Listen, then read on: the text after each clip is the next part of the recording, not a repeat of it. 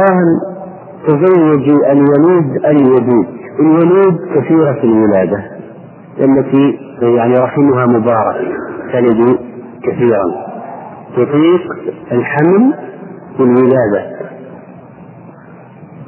فيقال قائل كيف نعرف الولود يعني أنا واحد يريد أن يتزوج امرأة. ذكر كيف يعرف أنها ولود؟ يعني هذا علم الغيب يعني قد تلد كثيرا وقد لا تلد شيئا وقد تلد قليلا. فيقال يعرف ذلك من حال قريباتها. هذا هو الغالب. يعني ينظر في حال أمها أختها عمتها خالتها نساء أهل بيتها نساء أهل بيتها. إذا كن ولودات معناها أن هذه في الغالب ولودة. مثلهن ولودة. وهذا وهذه التوارث والطبائع المأخوذة بالإرث بالوراثة العوامل الوراثية يعني مؤثرة ووجود كثرة الأولاد في قريباتها مؤثر على وجوده فيها. وقوله فإني مكافر بكم الأنبياء يوم القيامة يعني أن النبي صلى الله عليه وسلم يزداد يعني فخرا يفخر يوم القيامة يفخر بأمته يفخر. يعني أن هؤلاء عددهم كذا وأكثر الأمم يفخر بهم يوم القيامة. وتحقيق الرغبة النبوية في أجر. يعني واحد قال أنا أبغى أكثر النسل لكي يحقق رغبة النبي عليه الصلاة والسلام أنه يفخر بهذه الكثرة يوم القيامة. لأنه قال فإني مكافر بكم الأنبياء مكافر بكم الأنبياء يوم القيامة. وطبعا سينشأ عليها كثرة أتباعه كثرة أتباع النبي عليه الصلاة والسلام.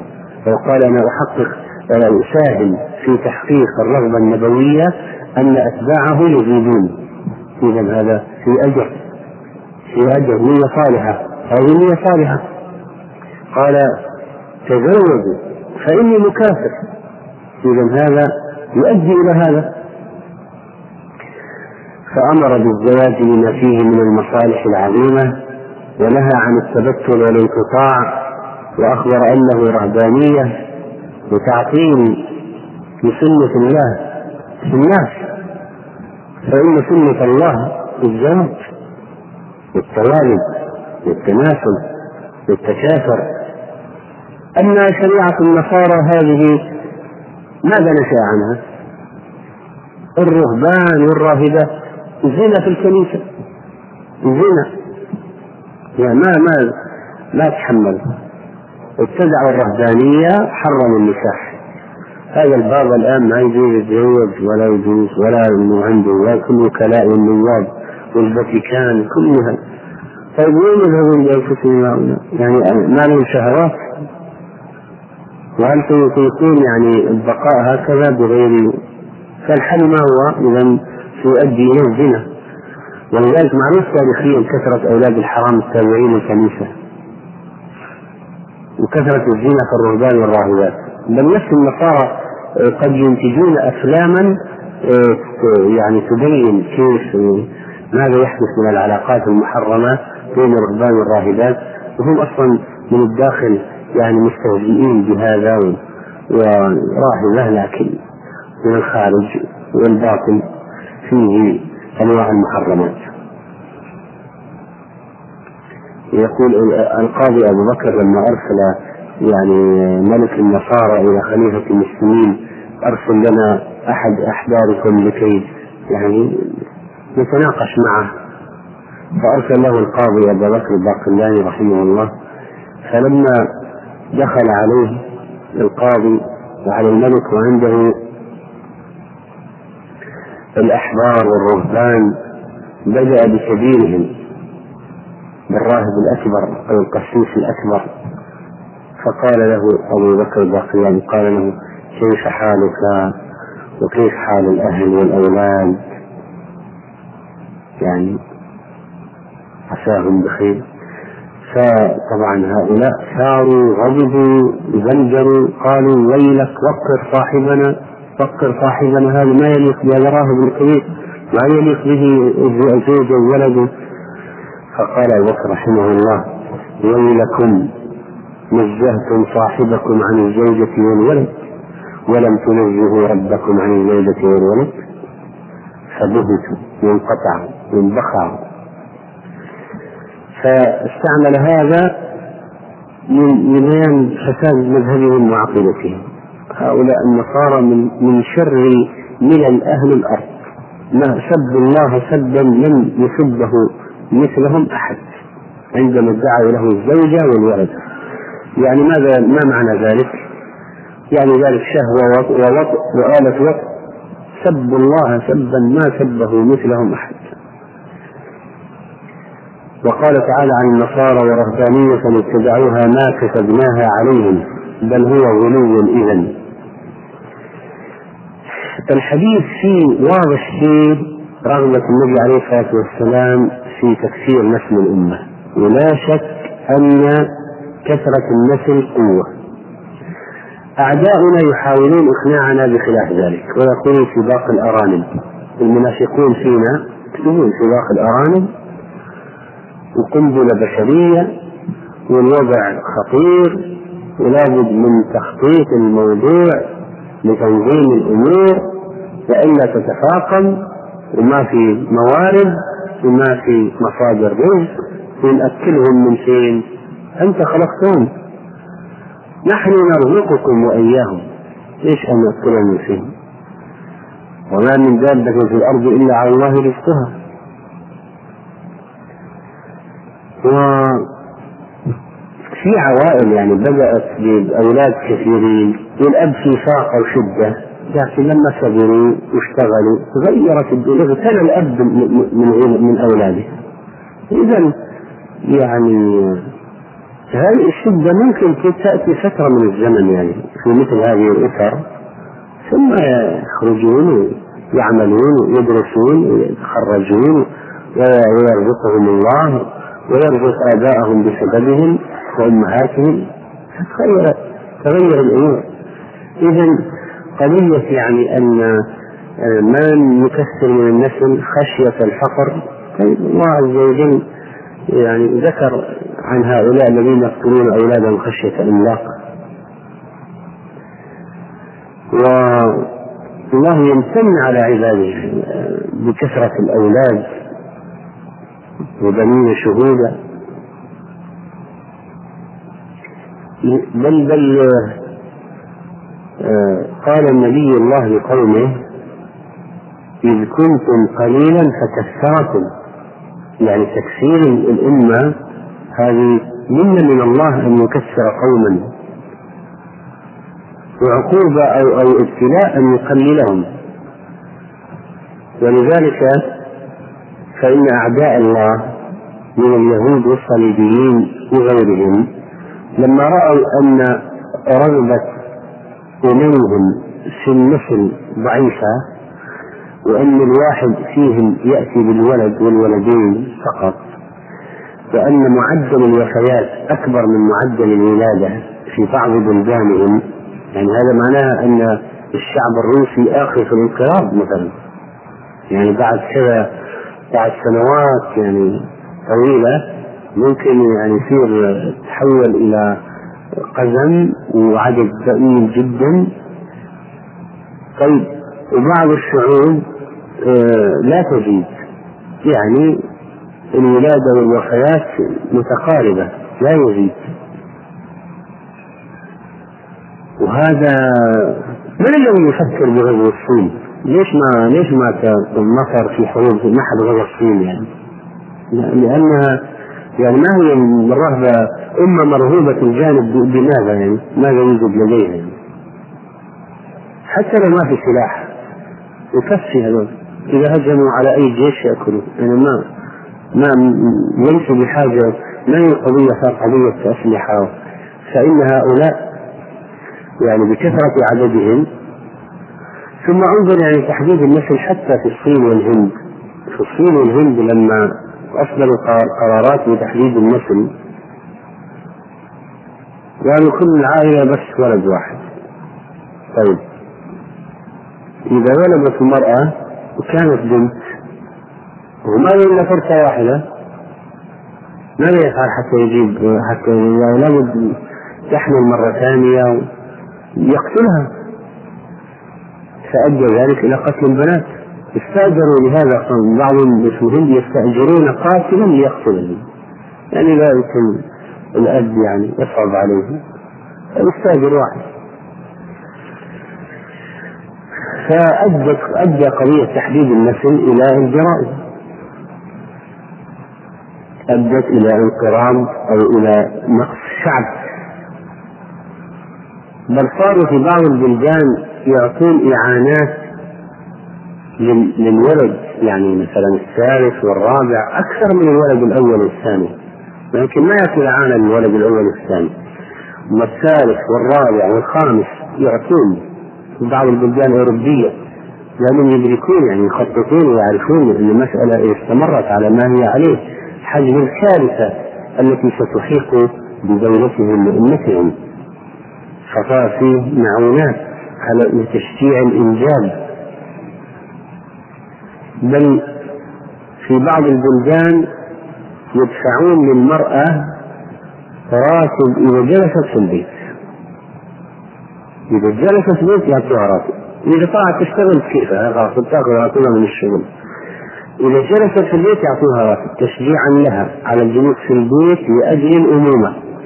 لأنهم حسبوها وجدوا أنها إذا خرجت إلى العمل قل يعني قلت رغبتها في الإنجاب استعملت موانع الحمل وأخرت في الإنجاب ولو صار عندها ولد غير متفرغة له وبالتالي ستأتي له بحاضنة والحاضنة ما هي مثل الأم الأصلية وستنشأ هناك عقد نفسية نتيجة الإهمال في الولد وسيخرج مجرما وسيخرج مريضا نفسيا وسيخرج مخربا وهذا سيكلف الدولة نفقات في معالجة جرائمه وعلاج أمراضه النفسية. لما حسبوها طلع أن إعطاء الأم فلوس تجلس في البيت لكي تكون الطفولة مستقرة وبالتالي الرجل يكون سوي في المستقبل. أقل من أنهم يلقون الأمر على ما هو عليه. ويطلع الأولاد يكونون في المستقبل معوجين نفسيا ومجرمين ويرهقون البلد مصاريف فلذلك توصلوا إلى اقتنعوا بقضية إعطاء الأمهات رواتب لكي يجلسن في البيت. لا يشتغل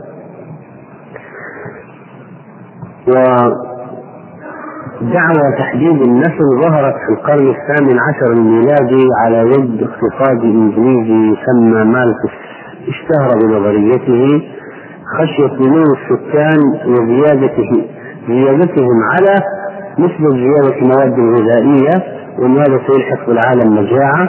وأن توازن السكان مع المصادر الغذائية مهم وهذه النظرية بدأت تتوسع عندهم حتى اقتنعوا بها ثم نفذوا بها هم أنفسهم. فصاروا يسلطونها يسلطون القضية علينا. فتجد أن حبوب منع الحمل مثلا عندهم غالية جدا وعندنا رخيصة جدا. وليش؟ طيب هي يعني الدواء أو هذا نفسه. ولكن تعرفون أن كثرة عدد الأمة المسلمة هذا ليس من مصلحتهم. وقلة عددهم ليس من مصلحتهم فيشجعون النسل عندهم ويثبتوننا نحن عن ذلك.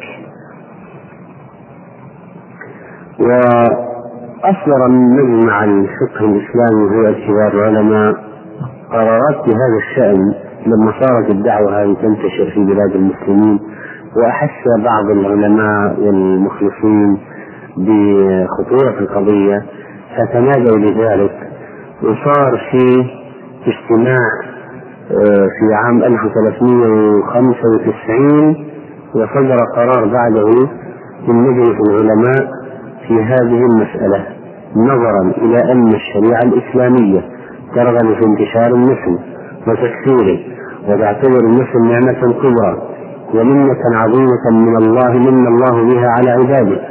فقد تضافرت بذلك النصوص الشرعية من كتاب الله وسنة رسوله صلى الله عليه وسلم ونظرا إلى أن القول بتحديد النسل أو منع الحمل. وصادم للفطرة الإنسانية التي فطر الله الخلق عليها ومصادم للشريعة الإسلامية التي ارتضاها الرب تعالى لعباده. ونظرا إلى أن دعاة القول بتحديد النسل أو منع الحمل فئة تهدف بدعوتها إلى الكذب للمسلمين بصفة عامة وللأمة العربية المسلمة بصفة خاصة. حتى تكون لديهم القدرة على استعمار البلاد واستعداد أهلها. وحيث إن في الأخذ بذلك ضربا من أعمال الجاهلية. وسوء ظن بالله تعالى. وإضعافا للكيان الإسلامي المتكون من كثرة اللبنات البشرية وكرامتها لذلك كله فإن المجلس يقرر بأنه لا يجوز تحديد النسل مطلقا. ولا يجوز منع الحمل إذا كان القصد منه خشية الإملاق. لا يجوز منع الحمل إذا كان القصد توفير الفلوس إذا كان القصد خشية الفقر. لأن الله تعالى هو الرزاق ذو القوة المتين وما من دابة في الأرض إلا على الله رزقها.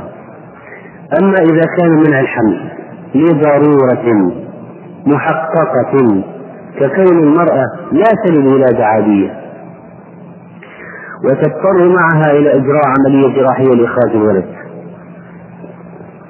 إذا هذه المرأة التي تلد قيصري قيصري قيصري تتعرض لنوع من العذاب يعني عند الولادة. فلو جرى منع الحمل فترة مثلا حتى تسترد عافيتها سنوات أحيانا ثلاثة أربعة حتى تسترد عافيتها ثم تحمل يكون منع هنا وجيها. لأجل الظرف الذي تمر به هذه المرأة التي لا تلد إلا ولادات قيصرية. أو كان تأخيره لفترة ما لمصلحة يراها الزوجان. يعني مثلا آه، قال يعني بدل ما يركب ولد على وجه ويجي الأولاد متراكبين ورا بعض وبعدين ما نعطي الولد هذا حقه من الرضاع. طيب هو سنتين بس نعطي الولد حقه من الرضاع. يعني طيب لا بأس. إذا المرأة إذا حملت يمكن اللبن يقل أو ينقطع فلو اتفق الزوجان على أن منع الحمل يكون لمدة سنتين ريثما يكمل الولد الأول رضاعه ويأخذ نصيبه من الرعاية والعناية ثم يرفع المانع ويتوقف أخذ وتعاطي مانع الحمل. إذا هذا فيه وجهة. أو كان تأخيره لفترة ما لمصلحة يراها الزوجان. وسألني الشيخ محمد بن سالم رحمه الله على قيام الزوجين في أول الزواج بمنع الحمل لينظرا كيف تسير الأمور. فالشيخ أبى هذا قال هذا سوء ظن بالله. وافترض أن الزواج وما في ما, تستعمل موانع تحمل. ويمكن هذا الولد يكون سبب الترابط يعني غياب الترابط. لأن بدون ولد يصير الفراق هذه مسألة أحيانا تصير في قضايا يعني مثلا سوء دين الزوج يعني قضايا قد ينظر لها من لكن في الأحوال العادية يعني يقول أنا لا متزوج وأخاف ما نتوافق وأخاف كذا. طيب قد يكون عدم وجود الولد من أسباب آه، اتساع الهوى يعني أو تسهيل التخلص من المرأة أو من من, الزواج هذا.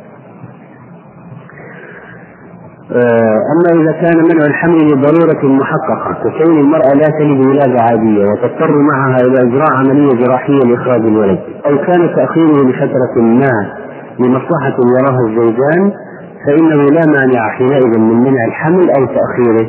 عملا بما جاء في الأحاديث الصحيحة وما روي عن جمع الصحابة رضوان الله عليهم من جواز العزل وتمشيا مع ما صرح به الفقهاء من جواز شرب الدواء. لإلقاء النطفة قبل الأربعين بل قد يتعين منع الحمل في حال ثبوت الضرورة المحققة.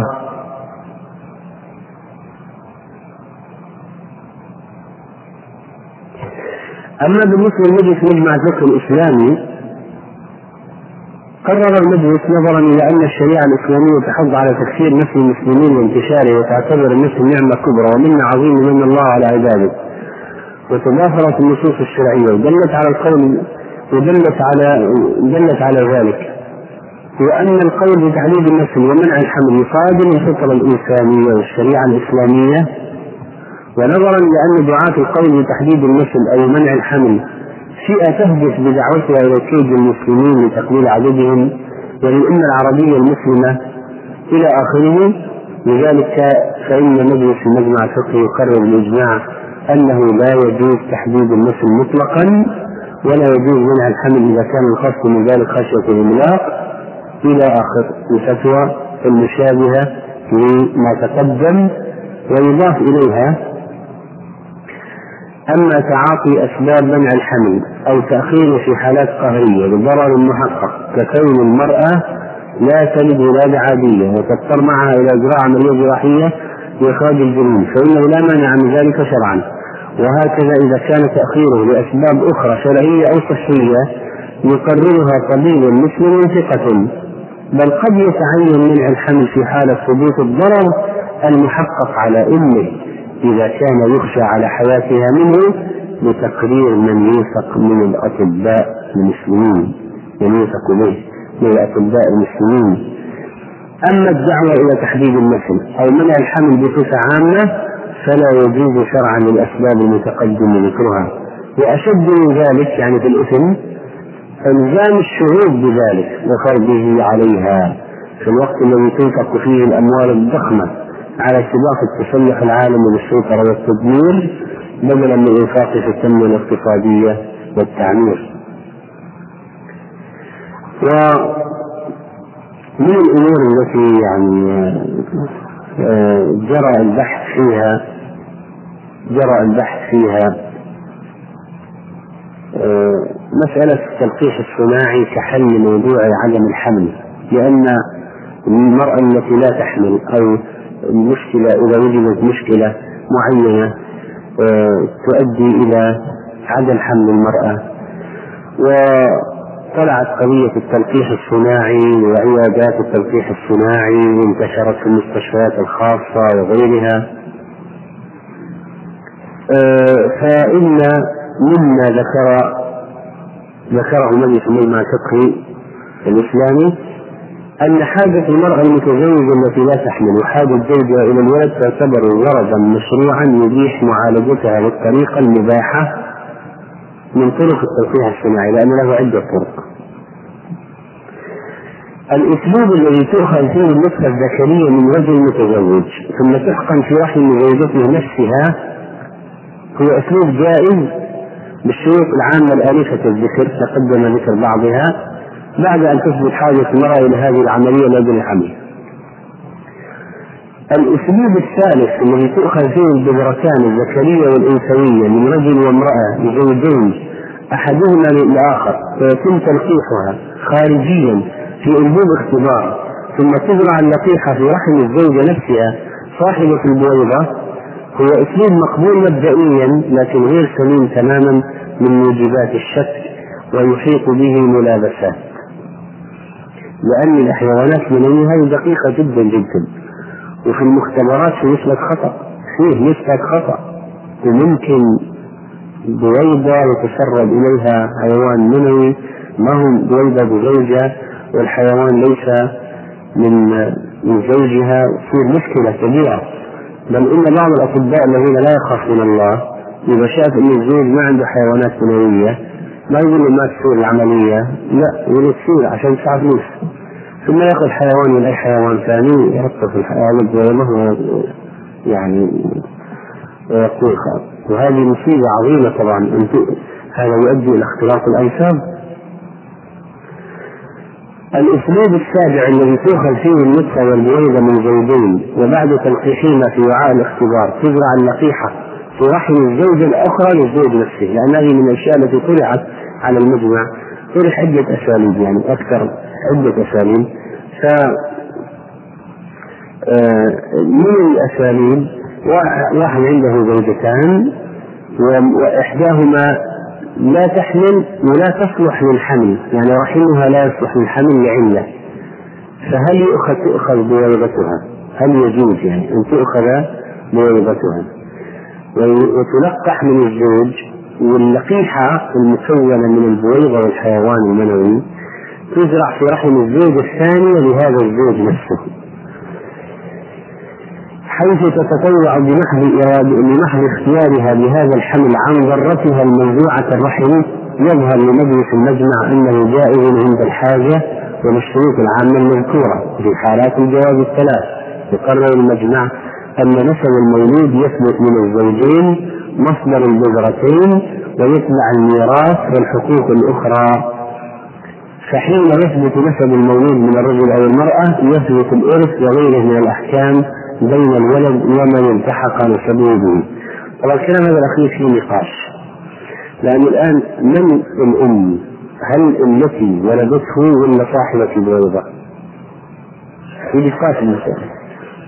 فالآن حسب فتوى المجمع أن أمه أو يعني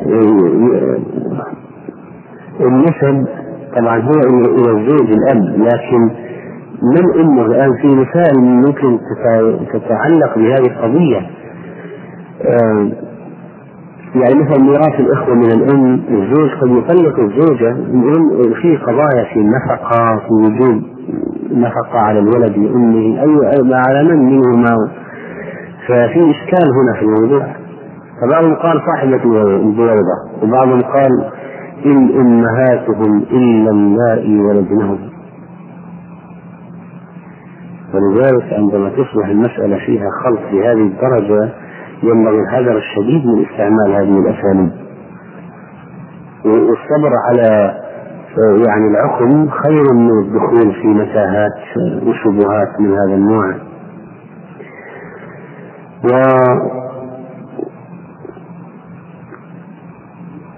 من تكملة الفتوى أما الزوجة المتطوعة بالحمل عن ذرتها في الأسلوب السابع فتكون في حكم الأم الرضاعية للمولود لأنه تشجعته في نصاب الرضاعة الذي يحرم به ما يحرم من النسب.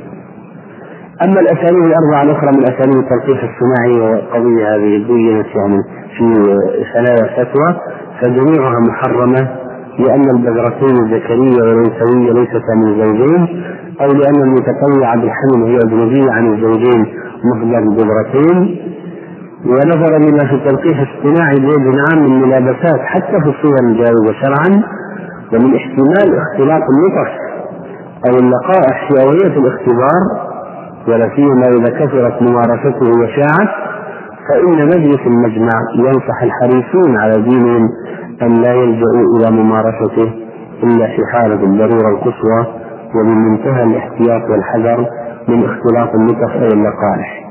طبعا السلام هذا تطبيقه يعني هذا نظريا لكن في تطبيق عمليا صعب. ومن من هم القائمون على المختبرات الذين يخشون الله إلى الدرجة التي يمنع يحتاطون فيها هذه التحقيقات الشديدة؟ بعضهم كفار طيب وبعضهم يعني آه، دونهم رفيق فكيف نضمن يعني هذه الدرجة من الخشية لله والخوف التي تبعث على اتخاذ الاحتياطات الضرورية جدا في عالم تجاري. الطب الآن بدأ يتحول إلى يعني قضية تجارية بحتة. وهمهم المال موافق للدين مخالف للدين مصادم للأخلاق موافق للأخلاق همهم المال ومع انتشار التأمين الصحي الآن وذهاب العلاج المجاني المسألة ستكون أكثر وأكثر. نعم.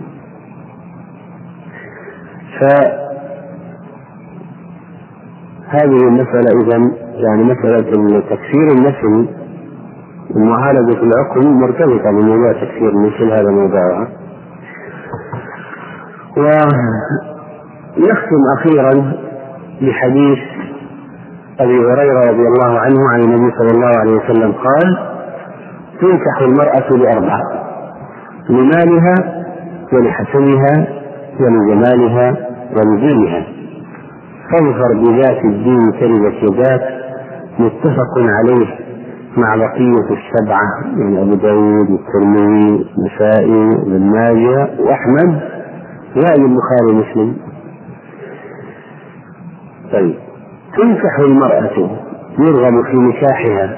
الأسباب المروجة للنكاح أربعة.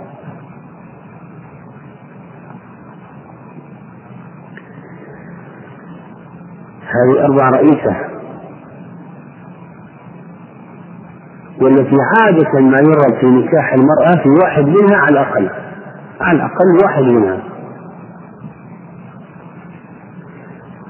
تنكح المرأة لأربعة. لمالها. يعني قد تكون قبيحة لكن لأجل المال قد تكون كبيرة في السن. والآن شباب يبحثون عن هذا الموضوع. أن تكون موظفة. أن تكون ثرية أن تكون يفكرون في المال قبل والحسن العز والشرف للمرأة ولأهلها والجمال واضح. والدين السبب الأهم. فاظفر بذات الدين تربت يداك. فاظفر تمكن وفز واغلب غيرك بالسبق إليها. اظفر بها كأنه قال الحق عليها قبل ما يأخذها غيرك. فاظفر يعني استعمل استعمل ما قال فتزوج ذات الدين قال فاظفر يعني كأنه شيء يستحق التسابق إليه والحرص عليه وأخذ غنيمة. وفوز فاظفر بذات الدين. كلمة يداك كلمة تقال في المخاطبات المعتادة عند العرب لكن لا يقصدون حقيقة معناها لأن كلمة يداك التصقت يداك بالتراب من شدة الفقر. إنما يراد بها الحث والتحريض. وقد يقصد بها المعاتبة والإنكار وقد يقصد بها التعجب والتعظيم والمراد بها هنا الحث تربت يداك بعض الرجال يريد في المرأة الحسب والشرف عنده قوية النسب والقبيلة هذه هي القمة. وبعضهم عنده المال والثراء نظرة مادية بحتة وبعضهم عنده الجمال والحسن الظاهري هو الأساس. وبعضهم يريد الدين هذا مقصده ومراده فهذا هو السعيد حقيقة. و الناس يقصدون في العادة من المرأة هذه الخصال. فاذكر أنت بذات الدين لما في ذلك من الفوائد العظيمة. وإن من السوء أن يتزوج الإنسان امرأة حسناء سيئة الخلق. فتجره إلى المصائب العظيمة. والمال يغدو ويروح. وقد يأخذها على المال فيذهب المال ويبقى تبقى العلل الأخرى.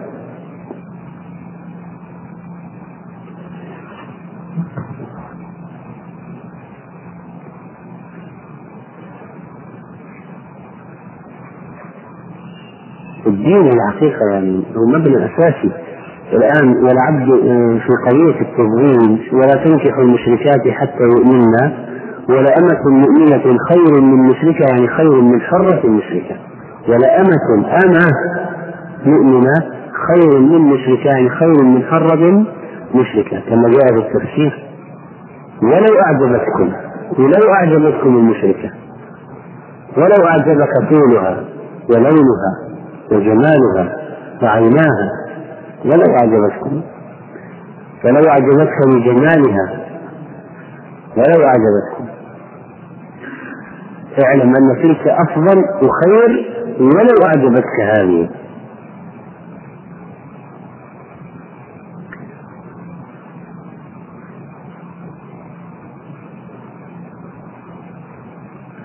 طيب إذا اجتمعت الأشياء الأربعة طبعا هذا هذا هذا شيء عظيم. هذا إذا اجتمع مع الدين جمال أو مال أو حسب طيب هذا خير. يعني ليس المقصود انك تبحث عن صاحبة الدين المتجرد عن الأشياء الأخرى لا. لكن هذه الأولوية التي تبني عليها قرارك فاظفر بذات الدين. جاء رجل حسن البصري قال إن لي بنتا أحبها وقد خطبها الكثير فمن تشير علي أن أزوجها له. قال زوجها رجلا يخاف الله. فإنه إن أحبها أكرمها وإن أبغضها لم يظلمها والإمام أحمد رحمه الله كانت له نصيحة في أن الواحد يسأل عن جمال المرأة قبل السؤال عن الدين. لماذا؟ نعم. أيوه. طيب ها؟ أيوه. طيب طيب طيب طيب طيب. طيب. طيب. يعني هذه بداية الحل يعني. طيب لكن لو طلعت مرة ما هي ذات دين إيش؟ تفضل من الجمال.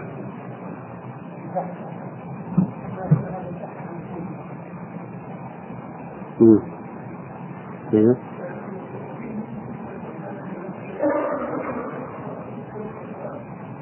طيب.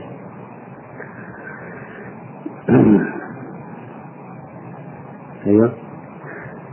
نعم اشرح. هو كلام الإمام أحمد على قضية حتى يكون إنما ردها لاجلك ولا يكون أنه رفضها لاجلك نعم. ها. يعني اذا اذا إذا سأل هي جميلة ولا لا طيب إذا في احتمالين إما أن تكون جميلة ولا لا تكون جميلة. إذا كانت ليست بجميلة سيردها لكن ما ردها وقد عرف أنها متدينه يعني الآن لو قال لو, لو قال الدين كيف؟ قال متدينه الجمال كيف؟ قال لو طلعت له جميلة يردها قد يردها وقد علم أنها صاحب الدين. وهذه مشكلة. لكن إذا سأل عن الجمال أول لو اتضح أنها جميلة اتضح أنها ذات دين ما في مشكلة. هذه لو اتضح هي جميلة فردها لا يكون ردها وقد علم أنها صاحب الدين. لأن المشكلة أن يردها بعد أن علم أنها صاحبة دين فهو راعى يعني هذا المعنى. وهذه يعني فقط قضية يعني يعني خاطرة مستحبة ولا ليس يجب أن يفعل ذلك. لكن هو راعى معنى أن الواحد ما يرفض المرأة وقد علم أنها صاحب الدين من أجل الجمال. خلاص يبدأ بالجمال. إذا كان هذه قضية الجمال هذه قضية يعني مهمة جدا. لأن في ناس عندهم قناعة يعني يقول أنا أبغى يعني شيء مقبول. مقبول. لأنه يجيب من وين يجيب ملكة جمال يعني هذا نادر. وما في واحدة إلا في واحدة أجمل منها. يعني هذا الجمال شيء. ثم يذهب مع الوقت. ثم ففي ناس عندهم قناعة إذا نبغى شيء مقبول خلاص إذا نظرت إليها كفرت يعني ما هو إذا نظرت إليها نفرت. طيب هذا والله تعالى أعلم. يقول هل يوجد حد معين من الغياب عن الزوجة لا يجوز تجاوزه؟ المرأة إذا رضيت بغياب زوجها انتهت انتهى الإشكال. لكن إذا ما رضيت لو قالت أنا لا أطيق ولا أصبر على غيابك فإن الزوج يؤجل أربعة أشهر أو ستة أشهر. هذا أكثر ما تطيق المرأة الغياب فيه. أربعة أشهر أو ستة أشهر بعد ذلك يجوز لها طلب الطلاق إذا ما جاء رجل هي ما هي ملزمة أن تعرض نفسها لفتنة من أجل غيابه لكن قد تكون راضية. تقول أنت تتغرب في طلب الرزق أو في طلب العلم. وأنا سأصبر عليك لأنك تتغرب لمصلحتنا.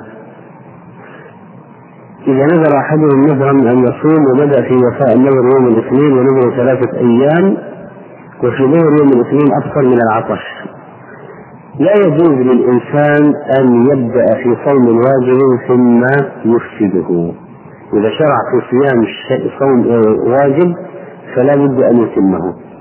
يعني صيام رمضان طبعا لا يجوز أن يفسده بدون رخصة. صيام القضاء واحد بدأ في صيام قضاء ما يجوز أن يفطر ويخرج منه. واحد بدأ في صيام كفارة يمين واحد بدأ في صيام نذر. أما إذا بدأ في صيام نافلة ممكن يقطع صيام النافلة. الصائم المتطوع أمير نفسه إن شاء صام وإن شاء أفطر. لكن صيام الواجب لا بد من إكماله ولا يجوز قطعه. واحد بدأ مثلا في آه، مثلا كفارة في نهار رمضان كفارة ظهار كفارة قتل خطأ. هذا صيام واجب. ما في عتق انتقل للصيام طيب. إذا يجب أن يتمه إذا كان نذر صيام ثلاثة أيام متتابعة لابد أن يصوم الآن ثلاثة أربعة خميس مثلا. الاثنين أفسده وإذا كان بالنية أي ثلاث أيام حتى لو متفرقة فإنه يصوم أي ثلاثة أيام ويتوب عن ذلك اليوم. يقضي بدل منه فقط. يوم واحد. مرة واحدة. حد عورة الرجل هل هي من الركبة أو بداية الركبة أو بداية الفخذ أو من الحديث ما بين السرة والركبة عورة. معناه أن السرة نفسها ليست من العورة والركبة نفسها ليست من العورة. ما بينهما عورة. تحت السرة عورة فوق الركبة عورة. لكن لو ظهرت الركبة لا يأثم لو ظهرت السرة لا يأثم لكن لو ظهر أي شيء تحت السرة أو أي شيء فوق الركبة يأثم يجب تغطيته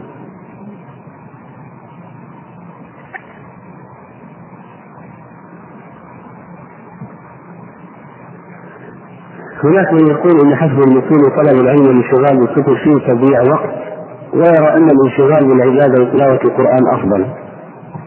يعني الإنسان يحتاج إلى إلى هذا وهذا. وحفظ المتون طلب العلم فيه خير ولا شك. عظيم.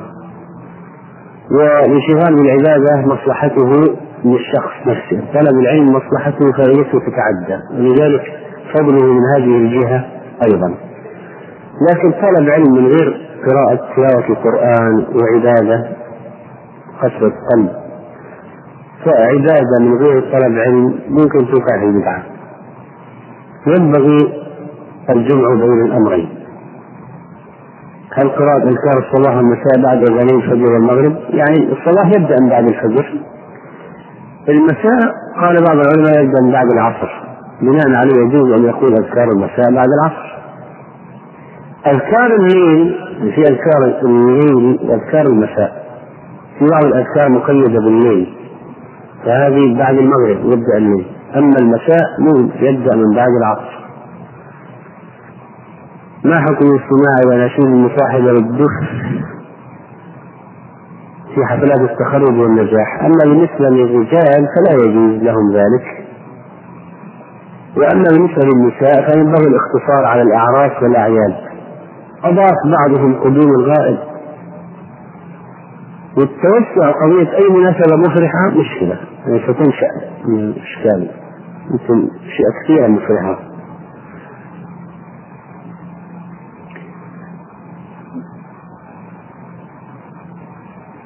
نحن في كندا وإخوة أتراك اشتروا بناء وجعلوه مركزا للدعوة في هذا المبنى صالة كبيرة للرجال وأخرى للنساء في الطابق السفلي كافيتيريا وطاولة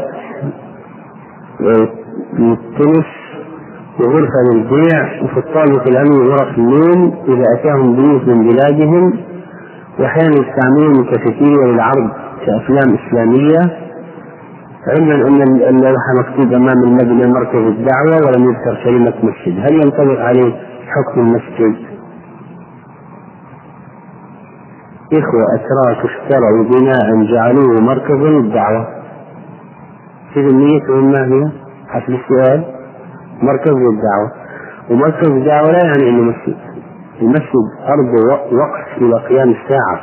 لا تغير لا تبدل لا تؤجر لا توهب لا تورد. مسجد خلاص مسجد. ما في تغيير. أما مثلا جعلوا مركز دعوة وتجمع لهم وفي طاولة تنس وكافيتيريا وبيع. طب المسجد لا يجوز أن يباع فيه؟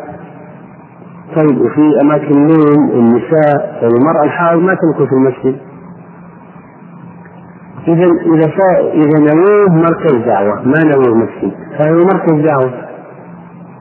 يجوز فيه البيع ويجوز فيه دخول المخت الحائض ويجوز فيه لا مشجان الضالة من وجد مفتاحي لكن في المسجد لا يجوز. في واحد من معنا في الدرس عبر الانترنت اجاب عن السؤال آه، إجابة صحيحة. الحمد لله. هناك من يقول ان تحليل النفس يسهل تربية الأولاد وتنشئتهم. ينبغي آه الاهتمام بتربية الأولاد المبكرين ليعينوا في تربية الأولاد المتأخرين. يعني الإنسان إذا ضرب أولاده الكبار الولد الكبير واللي بعد مثلا سهل بعد ذلك أن يعينوا في تربية أولاده الصغار. فيأخذون الصلاة ويحثون على الصلاة على الفضائل وعلى الآداب وعلى الأخلاق وترك الكلمات البذيئة وستر العورة والبنت تلبس الحجاب. فالاهتمام بالأولاد المبكرين يعين على بعد ذلك تربية المتأخرين. وأما أن نقول فقط نقتصر لأجل التربية والتركيز الأب والأم يتعودان مع الوقت على استيعاب الأولاد و آه، يعني المدرس يعني اسمه مربي الفصل وعنده أربعين طالب. ومع ذلك يربيهم المربي معلم يتابع أربعين واحد كل يوم. وانت مرة مهما خلفت ما أظن يصل إلى أربعين في غالب ناحية القدرة يعني يستطيع. يمكن.